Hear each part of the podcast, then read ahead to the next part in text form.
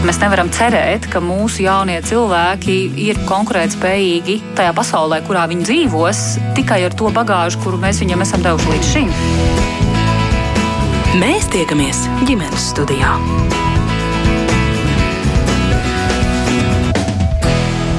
Sveicināti! Pētījuma centra SKDS pavasarī veiktā 4 līdz 9 gadus vecu bērnu vecāku aptāju liecina, ka katrs piektais atzīts, ka vi, viņa bērnam ir uzvedības problēmas. Katrs desmitais vecāks nezina, kā tikt ar to galā un kur meklēt palīdzību, bet vairāk nekā puse Aptaujā to vecāki norāda, ka viņa bērnu klasē vai bērndārza grupiņā ir bērni, kuri traucē citiem mācīties. Tāpēc šodien ģimenes studijā ir Latvijas bērnu atbalsta fonda speciālists, lai palīdzētu saprast, kāpēc bērnam var rasties uzvedības traucējumi un kādas ir atbalsta iespējas un palīdzoši paņēmieni uzvedības korekcijai.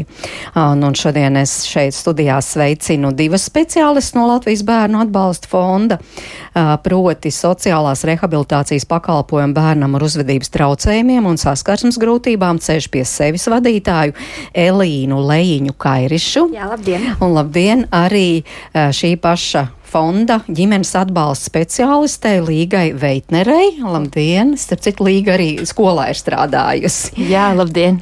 Kādu laiku, un pie mums arī četru bērnu mamma Liene Urtāne. Lienai arī sveiciens, un uzreiz Lienai arī pirmais jautājums. Tātad ar vienu no bērniem nebija kā parasti. Jā, tas bija. Varat izstāstīt jā, to tas stāstu? bija ar manu jaunāko bērnu, ar ko es piedalījos šajā projektā. Mana ģimene bija nonākusi krīzes situācijā. Es biju svaigi izšķīrusies, un uh, mans bērns tajā brīdī bija mēģinājis iet trīs bērnu dārzos.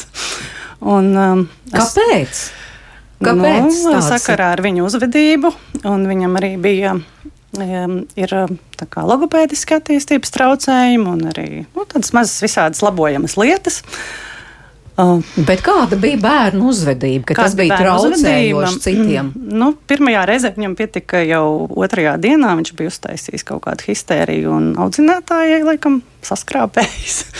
Un tad mēs meklējām citu dārziņu, un tad, tad logopēdiskā grupiņā tur viņam gāja labāk, jo tur bija mazāk bērnu. Bet nu, es jutos pilnīgi viena pati ar to, kur es viņu tagad lieku, ko lai es ar viņu iesāku. Jo arī līdz tam es visādu, nu, visādus individuālus speciālistus biju um, atradusi. Viņš gāja gan pie logopēda, gan, gan ergoterapeita. Mm -hmm. Bet apstājiet pie, pie tās pirmās situācijas. Jūs teicāt, tā tad uh, pirmajā reizē nu, bērnam palūdz, vai jums visticamāk palūdz, ka būtu jāmeklē cits bērndārs. Uh, pirms tam kaut kā tika risināta tā situācija. Nu, tā viņam bija reāli kaut kāda, laikam, otrā diena vispār tajā bērndārzā. Un, uh, jā, nu, risinājums bija, ka viņš šajā grupā nevar palikt ar šādu pēc šādas krīzes uzvedības un um, meklējiet uh, pedagoģiskā medicīniskā kom, komisijā kādu kodu. Un, un tad var meklēt asistentu, un tad mēs arī jums runāsim tālāk. Tas bija vienīgais, ko jums piedāvāja pirmskolas izglītības jā, iestādē. Jā, jā nu tad tas, nu tas ceļš garš. Nu, tad tālāk mēs uh, um, uh, sapratām, ka viņam ir tie logopēdiskie traucējumi. Nevis sapratām, bet um, pedagoģiskā medicīniskā komisija tāda novērtēja, ka viņam ir šie traucējumi, un viņš nonāca logopēdiskajā grupiņā. Bērntā. Bet katrā ziņā netika uzstādīta diagnoze. Viņam arī tagad, ne, piemēram, autisms vai kāda cita diagnoze. Viņam ir savi visādi tur. Cīkā motorika tik labi nedarbojās, un tad es trīs ap pusgados viņš nerunāja tā tik labi, lai varētu izteikties. Tad iespējams arī viņam tā uzvedība bija savādāka nekā citiem bērniem. Vēršos uzreiz pie speciālistiem. Tipiska tāda diezgan situācija, ko Liena stāstīja. Nu, es uh, domāju, ka uh, diezgan tipiska, jo lielākā daļa ģimeņu, kas vēršas pie mums, ir tieši uh, vienā no pirmām tikšanās reizēm min šīs uh, problēmas gan pirmskolas izglītības iestādē vai, vai, vai skolā, kad uh, nav kam prasīt palīdzību un uh, mm -hmm. kur. kur Jā, bet kādas ir tās problēmas, par kurām vecāks stāsta? Jā, tās ir trauksmes, piemēram, vai arī bērna uh, nespēja mm, veselīgi komunicēt vai socializēties. Bērns vienkārši savas emocijas pauž tā kā citiem neizprotamā veidā. Un bērns neprot pateikt, ka viņam tā ir emocija. Viņš viņu pauž pilnīgi tā kā mums nesaprotami. Nu, un, kā dzirdējām, Liena stāstīja, pieņemsim, jā. vai nu iesit audzinātāji. Jā, tā ir, tā ir sava veida emocija izpaušana, jo bērns savādāk neprot. Un tas, kas ir galvenais, kad ir jāiemācās, kā izprast un emocijas, un kā tam bērnam tieši šīs emocijas ļaut vaļu šīm emocijām. Un līga ir ko pie, piebilst man? Jā, līga acīm redzot, jo tiešām ir svarīgi saprast, kāpēc tas bērns tā rīkojas. Tas ir apkārtējiem pilnīgi nesaprotami. Bērndārzu uzsākot, šis bērns, tas ir ļoti liels solis uzsākt bērndārzu. Viņam ir milzīgs satraukums iekšā, un uh, viņš aiziet, tur ir pilnīgi sveša vieta. Viņš satiek svešus cilvēkus, nepazīstamus. Protams, ka viņš ir uztraucies un viņš nav gatavs šīm sajūtām. Viņš nekad tās iespējams nav līdz šim piedzīvojis. Un viņš tur ieiet šajā jaunajā vidē ar šiem pilnīgi svešajiem cilvēkiem un nezinot to, kas ar viņu notiek, ka šis ir man jaunums, pārdzīvojums, es esmu uztraucies un ko es tajā brīdī daru, ja es to neesmu apguvis savā ģimenē vai ar kādu kopā es reaģēju ar ķermeni, es reaģēju varbūt citiem nesaprotami, un šādā veidā rodās šie pārpratumi. Un tomēr, ja grupiņā ir viens bērns, kas šādi reaģē, tad tie pārējie tā nereaģē. Kāpēc? Jūs jau teicāt, tāpēc, ka es neesmu ģimenē apguvis, ko e... man darīt ar savām emocijām, vai, vai kas tur zem tā slēpjas? Tas var būt viens no iemesliem, jā, viens no iemesliem ir tieši tā kā sākums ģimenē, kā mēs ģimenē ģimenē komunicējam par emocijām, kā mēs tās nosaucam vārdos. Uh, varbūt arī daudz citi dažādi aspekti, kāpēc tas tā ir, uh, kādi citi sensori traucējumi, vai uh, nu, tas ir jāapskata no ļoti dažādām pusēm, kas aiz šīs uzvedības slēpjas, kāda ir šī bērna vajadzība, kas aiz šīs uzvedības slēpjas. Jā, ko es gribēju piebilst Līgai, ka mūsu, mūsu pakalpojumā visā pamatā ir viens tāds ļoti spēcīgs teikums, kas liek aizdomāties visiem, ka aiz katra bērna uzvedības slēpjas kāda neapmierināta vajadzība. Tas nozīmē, ka jebkura veida uzvedība, kas nāk no bērna, tas nozīmē, ka viņam ir kāda vajadzība, ko mēs neapmierinājām, ko mēs laicīgi neapmierinājām. Tas var būt arī pedagogs, tā nav vienmēr ģimene. Varbūt tajā brīdī tas bērns šajā gadījumā, Lienas gadījumā, varbūt bērngārzā tas bērns gaidīja atbalstu no pedagoga, piemēram, tajā brīdī. Ja? Un viņš to nedabūja, un šī ir veids, kā viņš pauž to savu emociju. Mhm. Jā. Bet, Liena, jūs, protams, mēs par to runāsim arī to jūsu ceļu, kā jūs mēģinājāt saprast un, un kā jūs ar šo strādājāt, bet, nu, jums izdevās noskaidrot, nu, kāpēc jūsu bērns tā reaģēja, kas tad iepriekš nebija viņam iemācīts? Jā, nu šobrīd es saprotu, ka es savu bērnu labāk pazīstu. Konkrēti manam bērnam ir pilnīgi skaidrs, ka pašā sākumā viņam bija arī tās, ko es jau minēju, izteikšanās grūtības, ka viņš skaidri nevarēja pateikt visiem saprotami tā, nē vai jā. Tad, laikam, arī pēc tam novērojam, vien, tas ir tas jūtīgums, ka es viņu nevaru iemest grupā, kur ir 25 sveši bērni vai prātīgs troksnis, un viņš jutīsies labi. Uh, Un, un tā solīti pa solītam ir vienkārši pazīstot savu bērnu, atrodot, kas viņam dara un kas viņam nedara. Bet tātad pirmais solis no vecāka puses mēģināt saprast. Un, attiecīgi, iespējams, arī tad ir, es nezinu, ir kaut kādi universāli padomi, kā tad uh, vecākiem vispār pašiem, pirmkārt jau pašiem, mēģināt kaut ko mainīt savā ikdienā. Um, Šeit uh, arī tā mēs skatāmies vi, vis, vispārīgi no visām pusēm. Protams, vecāks saskarās ar šādām uh, grūtībām tad, kad uh, mainās kaut kādi apstākļi. Jo līdz kon, ko, kādam noteiktam vecumam uh, bērns ar vecāku ir kopā, viņi ir tajā ikdienas dzīvē, ģimenē, mājās, iet uz, uh, uz veikalu un viss ir tāds ierasts lietas. Un tad ir tas brīdis, kad ir jāsāk iet uz bērndārs. Un tas ir tāds milzīgs pārmaiņas vai jāiet kaut kur sabiedrībā, kur mēs varam novērot, ka. Uh, hei, mans bērns varbūt reaģē kaut kā asāk, vai viņš kļūst satraukts, vai viņš raud, vai viņš skaļi uh, demonstrē kādu neapmierinātību. Un, un mēs skatāmies, kas ir tas, kas rada šo trauksmi.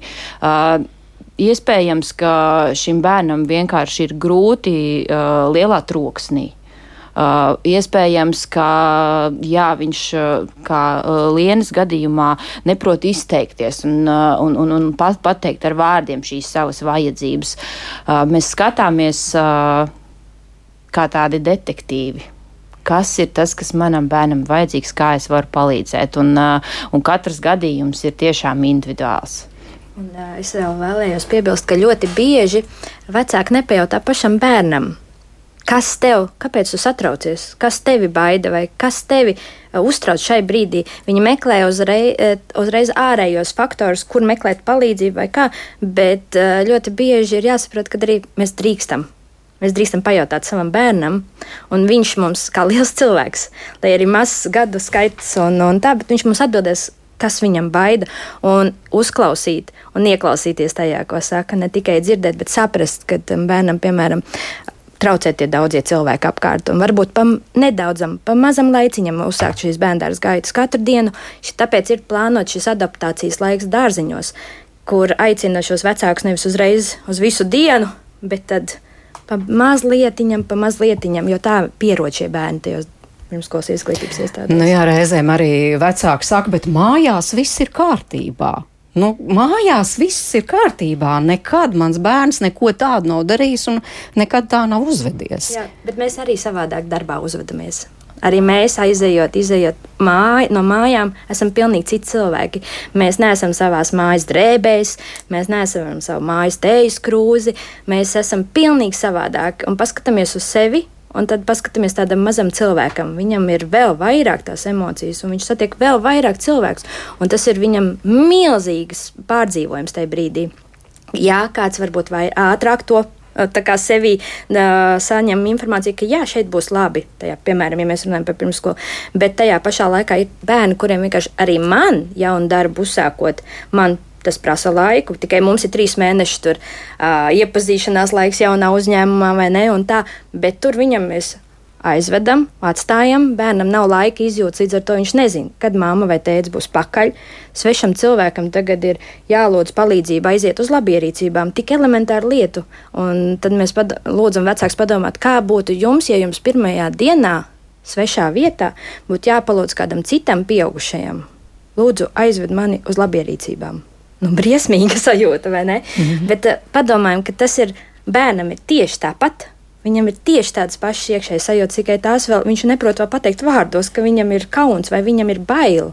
Un, jā, tas ir tas mirklis, kad bērns zaudē drošības sajūtu. Ja mājās viss ir kārtībā, mājās ir drošība, mājās ir labi, mēs izējām ārpus šī un šī drošības sašūpojas. Un ja mums nav šī drošā persona klāt blakus, tā kā tāds mugurkauls, kas dalās ar savu mieru un ar savu to. Uh, tādu palīdzīgo roku, tad tajā brīdī, kad uh, es eju prom no šī drošās sajūtas, man rodās šī trauksme. Un tas ir, tas ir tas, par ko mēs šeit runājam. Vecāki saka, mājās mums viss ir labi, uh, izējot kaut kur citur nav, jo nav šī drošības sajūta. Un uh, arī kā skolotājiem tas ir pirmais uzdevums - izveidot ar šo bērnu kontaktu un radīt viņam drošības sajūtu. Un tad, ja bērns jutīsies droši, tad šīs situācijas būs uh, arvien mazāk. Un, uh, jā, radīt drošības sajūtu ir tas uh, tas pirmais. Jā. Jā, bet nu, ir tādi tiešām jutīgāki bērni, kuri uzvedas šādi, kā mēs dzirdējām, Lienas bērns tādu vai citādu iemeslu dēļ. Un vecāki jau to tomēr noteikti ir ievērojuši. Kā jūs teicāt, ne jau tikai dārziņš, ir eh, šie lielveikali, daudz cilvēku, trokšņi un tam līdzīgi. Es atkal pie tādiem, tādiem universālām lietām, universāla padome, bet kā, kā vecāki jau tomēr laicīgi var domāt un jau tā kā stiprināt savu bērnu bērnu jums ir kādi padomi vecākiem? Jo, starp citu, arī eh, aicinājums no ģimenes studijas puses eh, varat rakstīt, varbūt eh, ļoti priecāsimies, ja atrakstīsit kādu savu stāstu, tas var būt arī anonīms, noteikti nolasīsim, varbūt arī jums ir kāds jautājums speciālistēm. Jā. Bet nu, jā, es ar es, to savu jautājumu. Jā, es līga noteikti būs daudz vairāk informācijas, ko iedot un, un, un padomi, ko es gribu teikt no savas puses, ka tas ir ļoti svarīgi arī vecākiem ar saviem bērniem runāt par emocijām. Nenoklusēt tās, uh, iepazīstināt. Un tas jau ir sākot no pirmām dienām. Tas nekas, ka vēl mazs, mazs cilvēciņš ir mājās, jo bērnam ir ļoti svarīgi saprast ne tikai emociju, ka man ir emocija, bet uh, to, ka arī mamma un tēvs drīkst būt dusmīgi, vai mamma un tēvs drīkst būt bēdīgi, vai mamma un tēvs drīkst būt priecīgi. Jo tad viņš tieši ir atkal tā drošības sajūta, jo tad viņš jūtas droši, ka es arī drīkstu. Es arī drīkstu priecāties, es arī drīkstu bēdāties, un uh, tas ir tas viens no pamatiem, uh, kā mēs varam būvēt šo drošo piesaisti, ka bērns drīkst runāt par savām emocijām. Un, Bet bērnam vispirms ir tomēr jāiemāc šīs jā, emocijas. Tas, tas ir, tā, tā kā pats no sevis nē, notiek. Nē, bērns zina, ka dusmīga mamma viņa, vai prie, jā, nu, priecīgi jau zina, jā, jā, protams. Bet mēs nosaucam to vārdos, un mēs nevis tā pagaidi, pagaidi, ej maliņā. Bet mēs pasakām, es tagad esmu dusmīga, un ļauj man nedaudz laiciņu vienai, un tas bērns sapratīs Un viņš lēnām šīs emocijas jau apzināsies un sapratīs, jā, kad, es, kad šī ir dusmas, šīs ir dusmas, šīs, šīs ir bēdas, šīs ir prieks. Mēs nosaucam vārdos. Protams, Līga stāstīs, ir dažādi veidi arī tādas izklaidējušas spēles par emocijām. Un, un mūsu pakalpojumu Liena zina, mēs ļoti daudz runājam arī par emocijām. Un, un visdažādākajos veidos, gan radoši izpaužoties, gan, gan runājot, gan spēles spēlējot. Emocijas tas ir uh, viens no tādiem atslēgas vārdiem. Līga tev droši vien ir tie padomi īstie, īstie un vienīgi. uh, jā, par uh, tas pirmais padoms, ko es, ko es gribētu dot saistībā tieši ar kā vecāks var sagatavot bērnu šim solim. Mūsu dzīvē ir šīs lielās dzīves pārmaiņas un tāda pārmaiņa, kā uzsākt bērndārs vai sākt skolu vai pārvākties vai, uh, vai, vai kā tas ir tāds. Vai, ļoti, piemēram, ģimene izšķirās. Vai izšķirās ģimene, tas jā. ir milzīgi, tā ir milzīga pārmaiņa, un, uh, un tam ir ļoti svarīgi bērnu sagatavot. Protams, uh, uh, šķiršanās ir, ir ļoti sāpīgs un, un, un, un, un grūts, grūts solis, bet arī tas nu, nenotiek tā vienkārši hops vienā dienā un, un, un viss. Un, uh, ir svarīgi uh, lielajām dzīves pārmaiņām ļoti, ļoti laicīgi gatavoties un par to stāstīt un teikt, kā būs, radīt uh, maksimālu drošības sajūtu, sniedzot pēc iespējas vairāk informācijas bērnam, mm kas viņu sagaida. Jā, bet kā stiprināt to jutīgo bērnu vispār? Nu, viņu mēs dzirdējām tā tad par emocijām, mācīt jau no maza, no pašiem pirmsākumiem mācīt, saskatīt emocijas, nosaukt vārdā. Ir vēl kaut kas, kas tiešām ir būtiski, Jā, kas tā emocionāli var stiprināt. Jā, tas emocionāli stiprināt, tas, ko Līga minēja, tas, tas iepriekš sagatavošana, tā ir otrs lielais tāds uh, pamatakmenis, jo bērns uh, vienmēr zinot, kas uz priekšu notiks, jutīs, uh, jutīsies sevī droši. Un, uh, un ja viņam tiks izskaidrots pat tādas elementāras lietas, kad mēs brauksim šeit, mēs iesim te. Jā, pārmaiņas. tādas mazās ikdienas pārmaiņas, un uh, viņš tiem jūtīgiem bērniem ir ļoti svarīgi zināt uz priekšu. Un uh, viņiem arī nepatiks šie pārsteigumi pēkšņiem, jo viņos tas rada tādu nelielu uh, paniku. Jo es nezinu, es nezināju par to, ko man tagad darīt, un tas arī rada to sašūpošanos viņa iekšējā pasaulē. Bet, ja mēs esam izskaidrojuši, ka, nu, piemēram, šodien tev pēc dārziņa būsim pakaļ, tad mēs brauksim uz dejošanu. Piemēram, pēc dejošanas tas viss ir jāstāsta. Jā, tas prasa no vecākiem pacietību, jā, tas prasa no vecākiem laiku. Bet šis viss spēja radīt šim jūtīgajam bērnam arī tādu drošības sajūtu, ka viņš zina, viņš zina. Kas notiks ar viņu?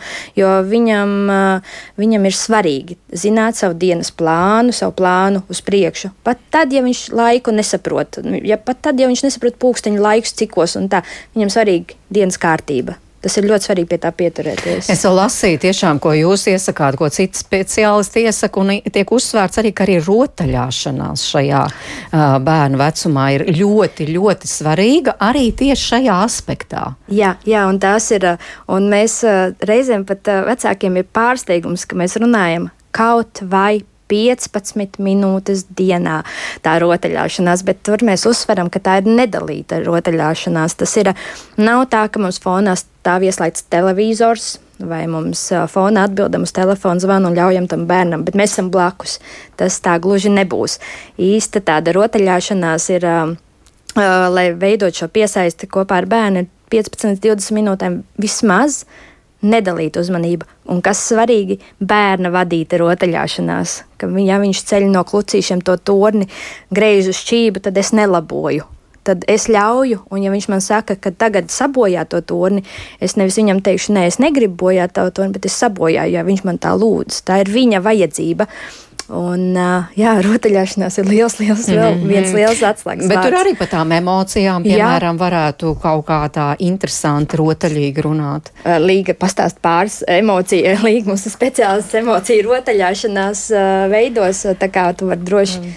kādu emociju rotaļu pastāstīt. Uh, jā, uh, tā tad par rotaļāšanās nozīmīgumu. Uh, un, um, Tā tad uh, ar bērnu rotaļājamies šīs 15 minūtes dienā, kā jau Elīna minēja, un tās var būt uh, pavisam uh, vienkāršas, uh, vienkāršas rotaļas. Uh, piemēram, uh, mēs varam spēlēt laikapstākļu prognozi uz uh, muguras, un, uh, un tad pēc tam runāt par to. Uh, Tas ir, pie, piemēram, es izstāstīšu tā, lai vieglāk saprast viens otram uz muguras kā, zīmē ar rokām, kur bērns ir tas, kurš stāsta, ko, kā, kādu laikapstākli zīmē, un pēc tam samainās, un tad pēc tam var izrunāt par to, kāda, kādām emocijām kādi laikapstākļi ir piemēroti, vai tāpat, tāpat tās arī ar Pīcis cepšanu ir ļoti līdzīga, mēs varam uh, spēlēties uh, ar bērnu kopā un uh, gūt prieku, um, kur viens uh, ir tas, kurš zīmē uz muguras, uh, kādas uh, liek uz muguras to veidot to pīcu, un, uh, un bērns savukārt uh, ir tas, kurš saka, kādu pīcu viņš gribēs, un tad uh, uh, jā, mēs par to, par to izrunājam. Mm. Liena, jā, nu, protams, ir noteikti vēl citi padomi, un šķiet, nekā nu tik grandioza un jauna tajā nav. Visi vecāki to it kā zina. To ir viegli tā iedzīvināt pats zinot, kā, kā jums izdevās. Jo jūs arī pēc tam mēs tur par to runāsim, gājāt, meklējāt palīdzību, droši vien arī skanēja šie padomi Jā, jūsu bet, virzienā. Bet laikam jau ir tas, ka tajā procesā, kad tu piedalies tajā projektā, ceļš pie sevis tev par to atgādina, runā, jo ir daudzas pašsaprotamas lietas, kuras aizmirstās un kuras ikdienā. Nu, tad tu vienkārši paņem tās metodes un, un tos, tos paņēmienus un lieto. Un, ja viņi strādā, tad viņi arī ieiet kaut kādās ikdienas. Par 15 minūšu nedalītu uzvedību tas ir vienkārši zelta. zelta paņēmiens. Es gribēju jā, jautāt, strādā. jā, varbūt vēl kāda metode, par ko jūs esat pārliecināti, ka strādā.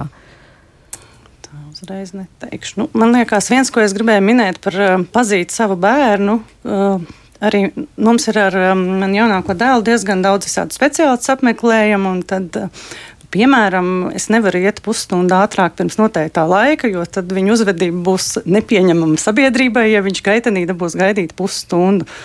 Un tam mums arī ir savas metodas un paņēmieni, kā mēs to vai nu mēs ierodamies precīzi, vai es viņam ļauju izskrieties pa teritoriju, vai arī jā, cepam um, picas uz muguras. Viņš man apguļās uz ceļiem un, un stāsta, kā, kā viņam masēt muguru. Mm -hmm. Tā ļoti daudz tādi praktiski ieteikumi, kuri elementārās iz, iz, lietās. Citādā variantā viņš man tādā gaitenī vārtās pa zemi, bļaustās, traucē citiem. Bet tā kā jūs kā māma pieņemat, ka bērns ir tāds, un viņam ir tādas vajadzības, jā. respektējat jā, un palīdzat jā, viņam. Jā. Nevis nē. Šitā, šitā jāuzvedas šajā Jā. situācijā, nevajag tur, piemēram, vārtīties par no, nu, zemi vai kaut ko tam līdzīgu. Es no viņa nevaru sagaidīt to, ko es no viņa nevaru sagaidīt. Viņš nevar sēdēt uh, pusstundu pilnīgā miera sēdēšanā. Vai šobrīd bērns iet jau skolā? Ne, viņš iet vēl pēdējo gadu bērnu dārzā. Jūs jau kaut kā gatavojaties, jo tā skola, jā, kā mēs jā, dzirdējām, būs nākamā ir, pārmaiņa. Viņam ir septiņi gadi, un viņš ir vēl vienu papildus gadu bērndārzā, jo bija speciālistiem vienojamies, ka viņš nav gatavs iet skolā. Kā, kā, kā jūs viņu gatavojat? Tai pārmaiņai, lai atkal nebūtu tā, kā jūs teicāt, ka tā tad, eh, nu, piemēram, aizved uz bērndārzu un jau nākamajā mm, dienā pe pedagogu pateica, paldies, vediet savu bērnu uz kādu citu bērndārzu. Tas ir vienkāršāk, jo viņam ir divus gadus vecāks brālis, kurš iet skolā, un tam mums ir diezgan uh, praktiskas lietas, ko viņš vienkārši redz un, un piedzīvo sakarā brāli, ka iet uz skolu un ka ir ko viņš tur dara. Tas, tā runāšana notiek visu laiku. Arī darīšana, jā, viņš arī ir bijis tajā skolā, kur ir plānots iet viņam, jo jāiet pakaļ brālim. Šādas situācijas noteikti atgadās arī skolā, un kādas tad tie ieteikumi, kas varētu palīdzēt pedagogiem, par to mēs runāsim pēc dziesmas. Mēs tiekamies ģimenes studijā. Šodien pie mums ģimenes studijā ir Latvijas bērnu atbalsta fonda mm, pārstāves Elīna Leīna Kairiša un Līga Veitnere, arī četru bērnu māma Liena Urtāna. Mēs runājam par tiem bērniem, nu, kuri tā kā pārkāpj tās uzvedības normas. Mm, tas notiek bieži bērnu dārzā, bet visbiežāk to paman tiešām skolā, tad, kad bērns aiziet uz pirmo klasi, un tad arī sākas Tad ir uh, neapmierināti gan skolotāji, gan pārējie vecāki, un arī uh, šis arī fonds uh, veids tādu aptauju, aptaujāja vecākus, kuriem ir no 4 līdz 9 gadiem veci bērni. Un, Un tad vairāk nekā puse aptaujāto vecāku norādīja, ka viņu bērnu klasē vai bērnu dārza grupiņā ir bērni, kuri citiem traucē mācīties. Un tad tiešām ir jautājums, kā rīkoties pirmkārt jau pedagogam, jo droši vien, ka tur arī kāds algoritms, bet, eh, nu, pedagogi netiek ar to galā. Tikko vakar arī man stāstīja. Ļoti jauka pedagoģa sākuma skolas aizgāja no skolas, pārgāja uz citu skolu, jo vienkārši bija šāds bērns, ar kuru netika galā, un nu, viņa aizgāja. Vai arī bērns aiziet no skolas, dažādas tās situācijas. Jā, šādā gadījumā ir uh, jāstrādā komandai. Un, uh, kas ir šī komanda, kas strādā, uh, lai palīdzētu šim bērnam un saprast, izpētīt šo problēmu, uh, jeb šo aiz bērnu uzvedības saskatīt šo vajadzību. Un tad skola, vecāki un šis pedagogs un atbalsta personas skolā, kas ir sociālais darbinieks, psihologs, strādā, lai palīdzētu. Tā vismaz vajadzētu būt ideālajā variantā. Uh, jā, Jā, no nu, ideālais variants nevienmēr no tā ir, jo pirmkārt eh, vecāka piekrišana ir vajadzīga, Jā. lai vispār iesaistītu psihologu, sociālo pedagogu vai kādu citu atbalsta personu. Visbiežāk šie vecāki, nu vismaz tā es esmu dzirdējis no atbalsta personām, nepiekrīt. Saka, ar manu bērnu viss ir kārtībā, jūs izdomājat, jūs Jā, vienkārši es... piesienaties manam bērnam.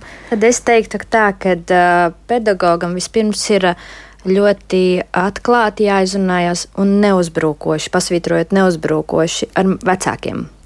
Un, eh, jo vecāki, eh, kas ir mūsu labākā pozīcija, tad, ja mums uzbrūk, aizsargāties.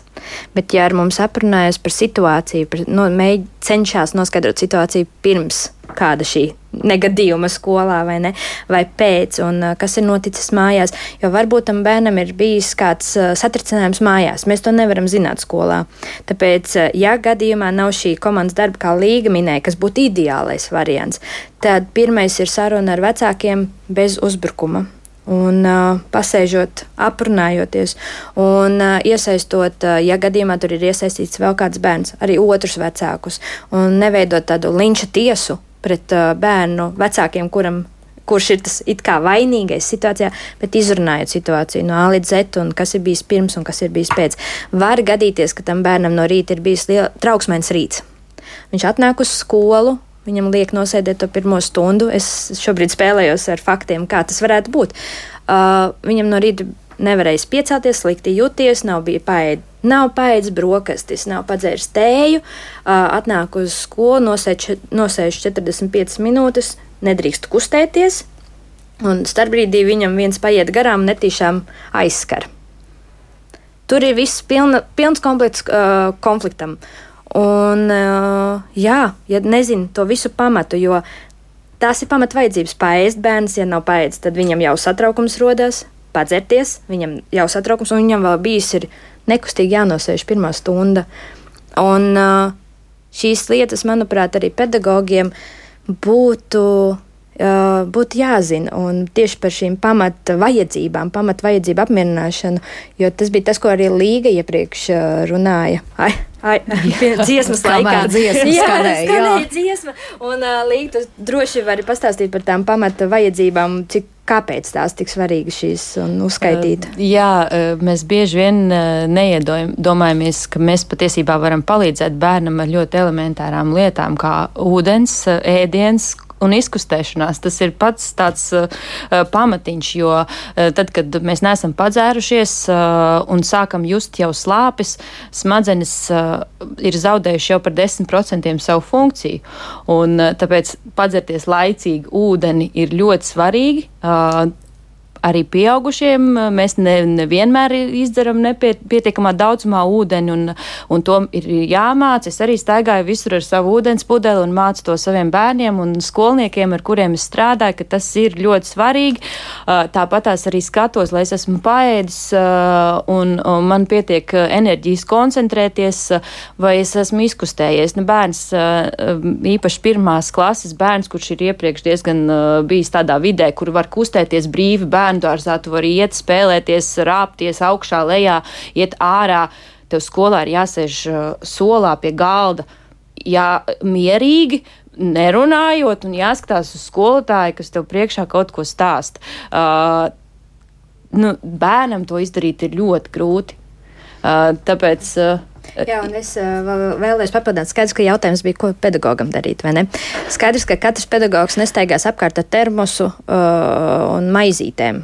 Tas nav viņa mērķis, un tīpaši, ja, ja skola to ne, nu, ne, nepalīdz viņam noorganizēt. Bet uh, man ir pazīstami pāris pedagogi, kuriem kabatiņā vienmēr ir viens sausiņš. Piemēram, klusais sausiņš. Un, un ja viņi jūt, ka tas stres tam bērnam, ja viņi ir runājuši ar vecākiem, ka šis ir tas, kas, kas palīdz.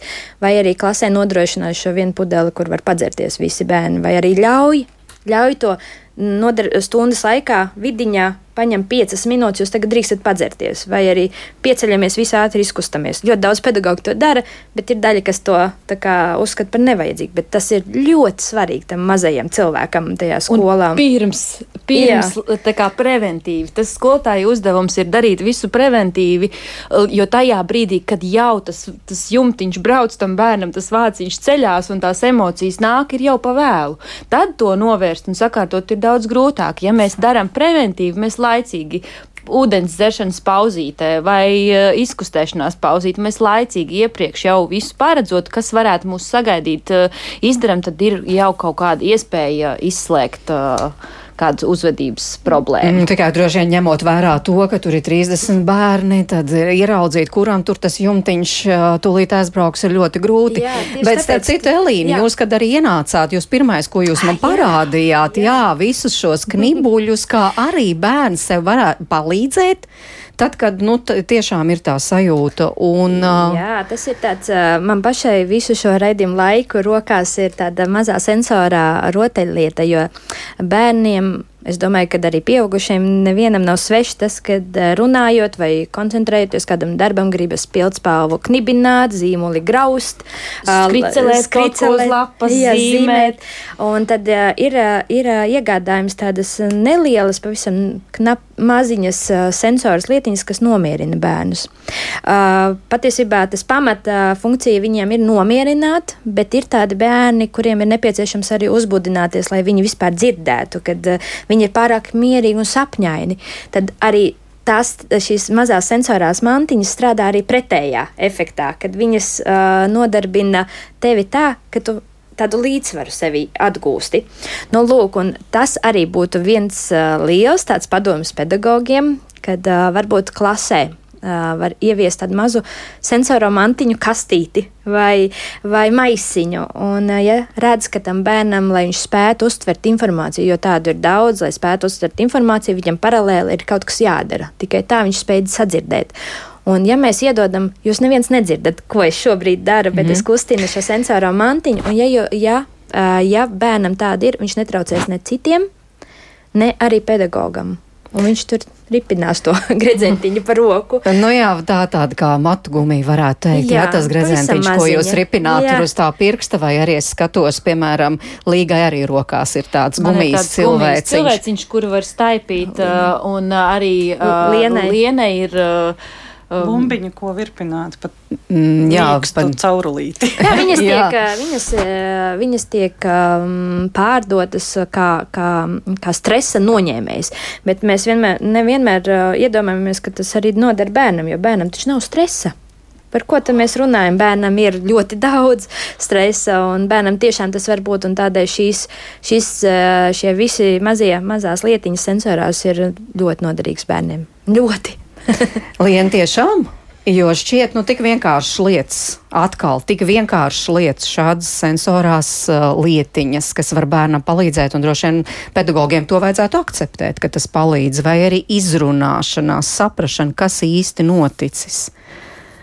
Jo sensor, es domāju, ka sensors. Jo jūs Man teicāt, nav pieredzes ar tādām mazām sensorām lietiņām, bet jā, es zinu savam bērnam, ka viņam, kas viņam palīdz koncentrēties nevis, nevis, nevis skolā, bet nu, kā mājās. Jā. Tā ir kaut kāda maza bumbiņu ripināšana, turēšana rokā.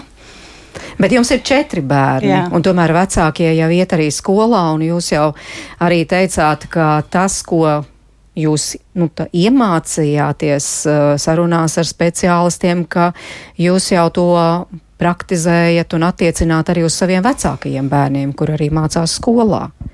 Es vispār par to, ka viss ir liekas, tādās sistēmās, un ja kaut kas sistēmā nestrādā, tad viņi nobrūk arī kaut kur citur. Tas viss ir tik ļoti saistīts. Tā ģimenes sistēma, ģimene atkal iet bērnu dārzā un skolā. Uh, Kā, man liekas, ja, ja es teiktu, ka man ir problēmas ar vienu bērnu, tad, eh, tad šajā projektā es iegūstu ļoti daudz zināšanas un, un metodas, kā darboties, kā visu savu ģimenes sistēmu turēt, um, turēt tādā labā kondīcijā. Arī, arī kā nu, ja man ir lielākie, ir viens ir pieaudzis, viens ir pusaudzis, viens ir tūlīt pusaudzis. Tas viss mīja darbojās arī arī tās brāļu attiecības iedarbojās uz to jaunāko. Un, un tas, nu, nav tikai bērngārzā uzvedība vai vēl kaut kas. Nu jā, tā ir tiešām sistēma, bet eh, nu, mēs šķiet izklausās, runājam nu, par tādiem gadījumiem. Bērnam vienkārši viņš tur kribinās, nevar nosēdēt, nu tad iedosim bumbiņu, lai viņš tur pavirpina un viss notiks. Bet faktiski jau tie situācijas ir arī daudz, daudz nopietnākas, kā mēs, kā mēs dzirdam, kur tiešām sistemātiski bērns nepārtraukti traucē citiem, iesit, aizskar, salauž mantas un tā tālāk un tā joprojām. Un vai tiešām, nu tad tur vienkārši dosim viņam to bum bumbiņu virpināt un, un viss būs labi? Uh, tas ir sākums arī to bumbiņas, tas ir sākums, jo skaidrs, ka, ja tas ir ilgstoši un tas nav tādas pats sākumiņš, un, un, un tas ir ļoti traucējoši apkārtējiem un, un pedagogiem un, un arī pašam bērnam, tad kas mums ir jāmeklē tas cēlonis, kur bija tās pirmās pirmās viņa vajadzības, kas netika apmierinātas. Un tā šoreiz nebūs uh, stāsts par to, ka uh, nav paēdis padzērs, bet tas būs stāsts, ka ir kādas jau ļoti senāk.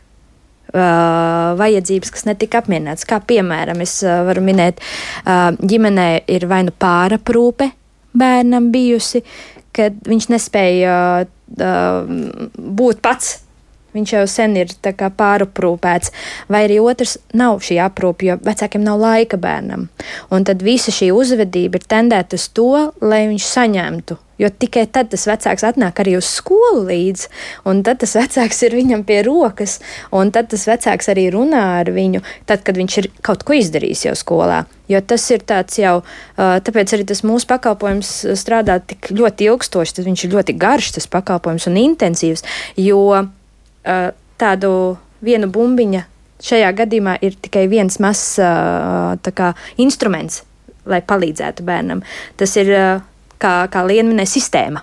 Mēs palīdzam šo sistēmu nodro, drošāk uztaisīt, izveidot drošo piesaisti starp bērnu un vecāku, kas ļoti daudzos gadījumos visu nogludina un visam palīdz bērns, vecāki un bieži vien arī pārējie vecāki, jā, jā. kuri ir neapmierināti, bet arī pamatoti neapmierināti, jā, jo faktiski jau traucē arī pārējiem bērniem. Un, Jā, Kā ir. tad, kā tad tiem pārējiem līdz vecākiem? Ar, līdz, līdz ar to, ka, nu, kas ir viens, ko, ko, kas ir pilnīgi tā kā nepareizi, ja es nebaidos teikt nepareizi, ka ir dzirdēts līnča tiesas uh, klases sapulcēs, kad ir tagad tas viens nabaks bērns, kas ir tas skaļais, kas traucē visiem, saprotams, ka traucē arī pārējiem bērniem, un tagad tā mamma dabū uzklausīt visu 30 citu vecāku uh, uzbrukumus. Un uh, tā māma. Mm,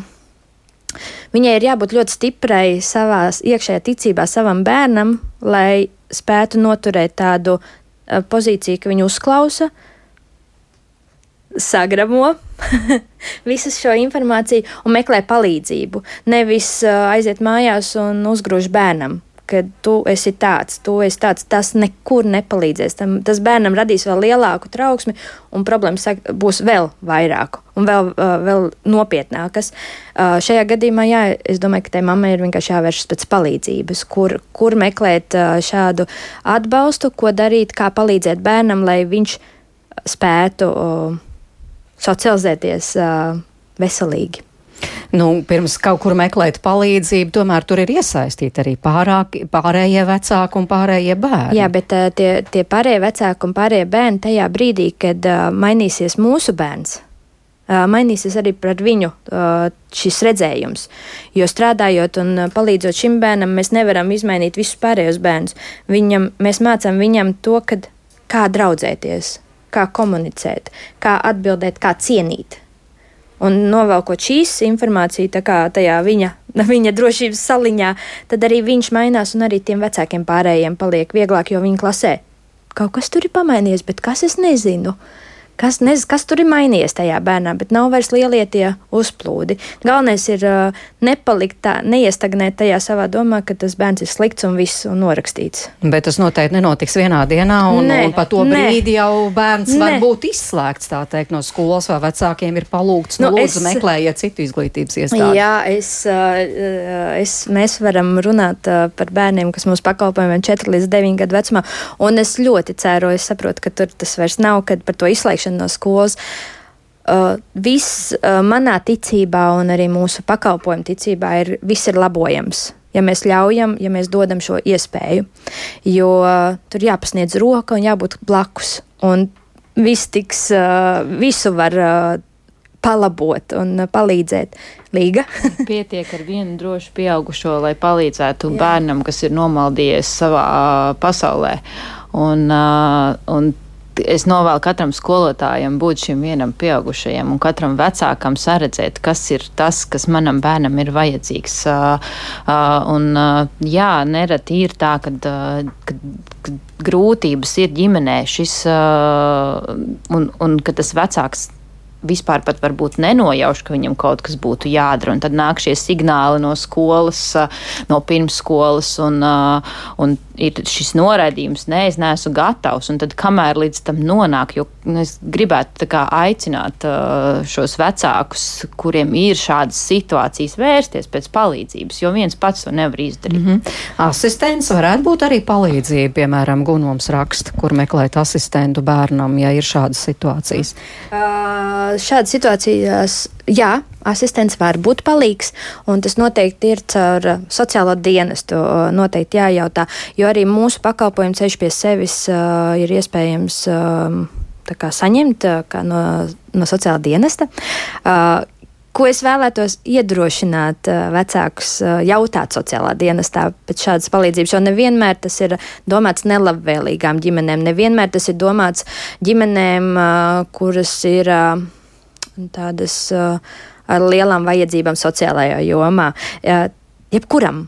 Un sociālā, no sociālā dienesta nevajadzētu baidīties šādos jautājumos, jo viņi spēja palīdzēt un piemeklēt arī par asisten asistenci ir variants kā droši piesaistas persona. Jā.